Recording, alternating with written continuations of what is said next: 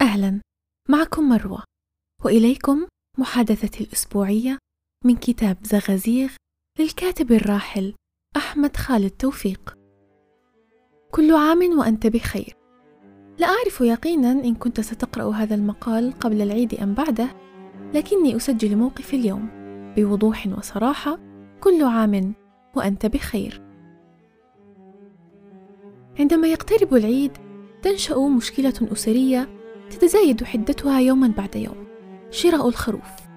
يبدو الأمر سهلا فالخراف في كل مكان وعند كل جزار. ومبلغ الجمعية التي قبضتها في جيبي. لكن أصحاب الخبرة يقولون إنني أحمق. تأخرت أكثر من اللازم. وإن فرصة شراء خروف جيد ضاعت للأبد. البعض يقول إنه كان علي أن أبدأ منذ عام. أي بعد عيد الأضحى السابق. والبعض يقول إنه كان علي أن أبدأ منذ ثلاثة أعوام. أعتقد أن الذي يزعم أنه كان علي البدء وأنا في سن المراهقة يبالغ نوعا ما. دائما أنت متأخر.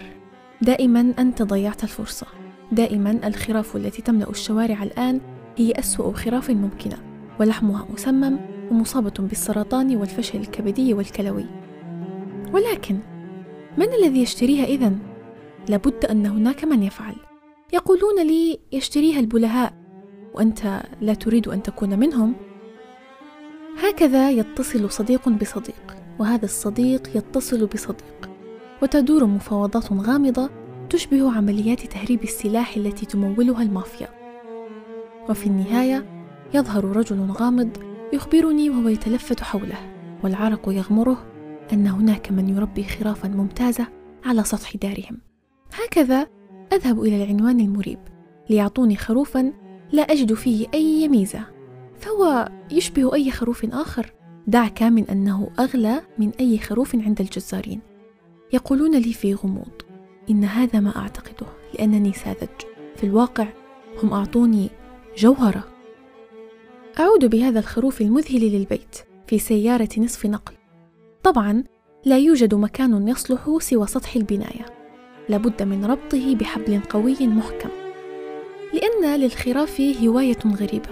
هي الانتحار من أعلى البناية عندما يصعد الجزار السلم صبيحة العيد. هذا ما أعتقده طبعا.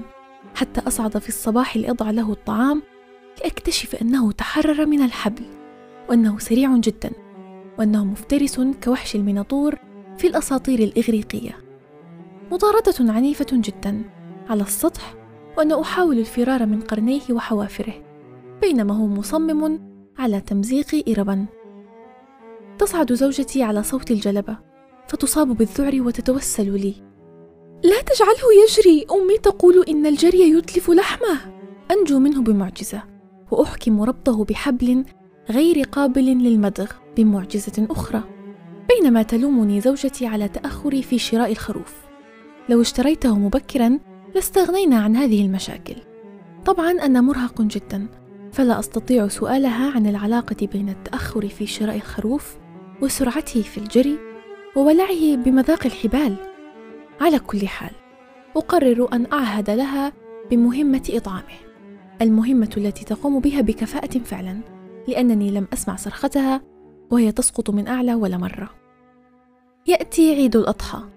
بعد الصلاة أقابل وسط بحيرات الدم التي تغطي الشوارع ذلك الجزار الذي تتدلى السكاكين والشواطير من حزامه. أطلب منه أن يرافقني لذبح هذا الخروف. يصعد معي إلى السطح. ويرى الخروف فينفجر في ضحك. هل اشتريته من عباس أبو شفة؟ امم نعم. لا أفهم سبب كل هذا المرح ولا ما هو مضحك في الموضوع. فقط أسمعه يقول في سره ربنا يعوض عليك. ثم ينقض على الخروف ليفتك به في ربع ثانية. ثم يقول لي وهو يعد ماله وينصرف. معلش ربنا يعوض عليك هذه المرة. يبدو أنك بدأت متأخرا جدا. في العام القادم لو أحيانا الله قل لي. قل لي منذ آخر رمضان. كي أجد لك خروفا حقيقيا. وهل هذا الخروف ليس حقيقيا؟ وينصرف دون أن أفهم. على كل حال لم أرى أي مشكلة حتى هذه اللحظة. فقط كلما أعدت زوجتي طبقا لا يروق للضيوف أو أمي قالت لي لأنك تأخرت جدا. هكذا انتهت الخراف الجيدة من السوق ثم أنه جرى خلفك كثيرا. لهذا أفكر جيدا في أن أحجز خروف العام القادم غدا. صحيح أنني قد أموت فلا أذوق منه قطعة واحدة والأدهى أن يموت الخروف نفسه لكن لابد من بعض المقامرة في لعبة الحياة كي نجد الخراف الأفضل قبل أن يأخذها الآخرون. لقائي معكم يتجدد في أسبوع آخر. وإلى ذلك الحين كانت معكم مروة في محادثات أسبوعية. الله أكبر الله أكبر الله أكبر. لا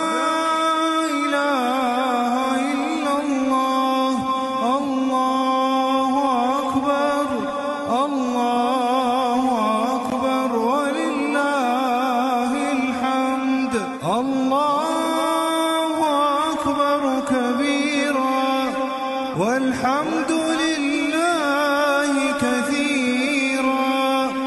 وسبحان الله بكرة وأصيلا. وصلى الله على سيدنا محمد وعلى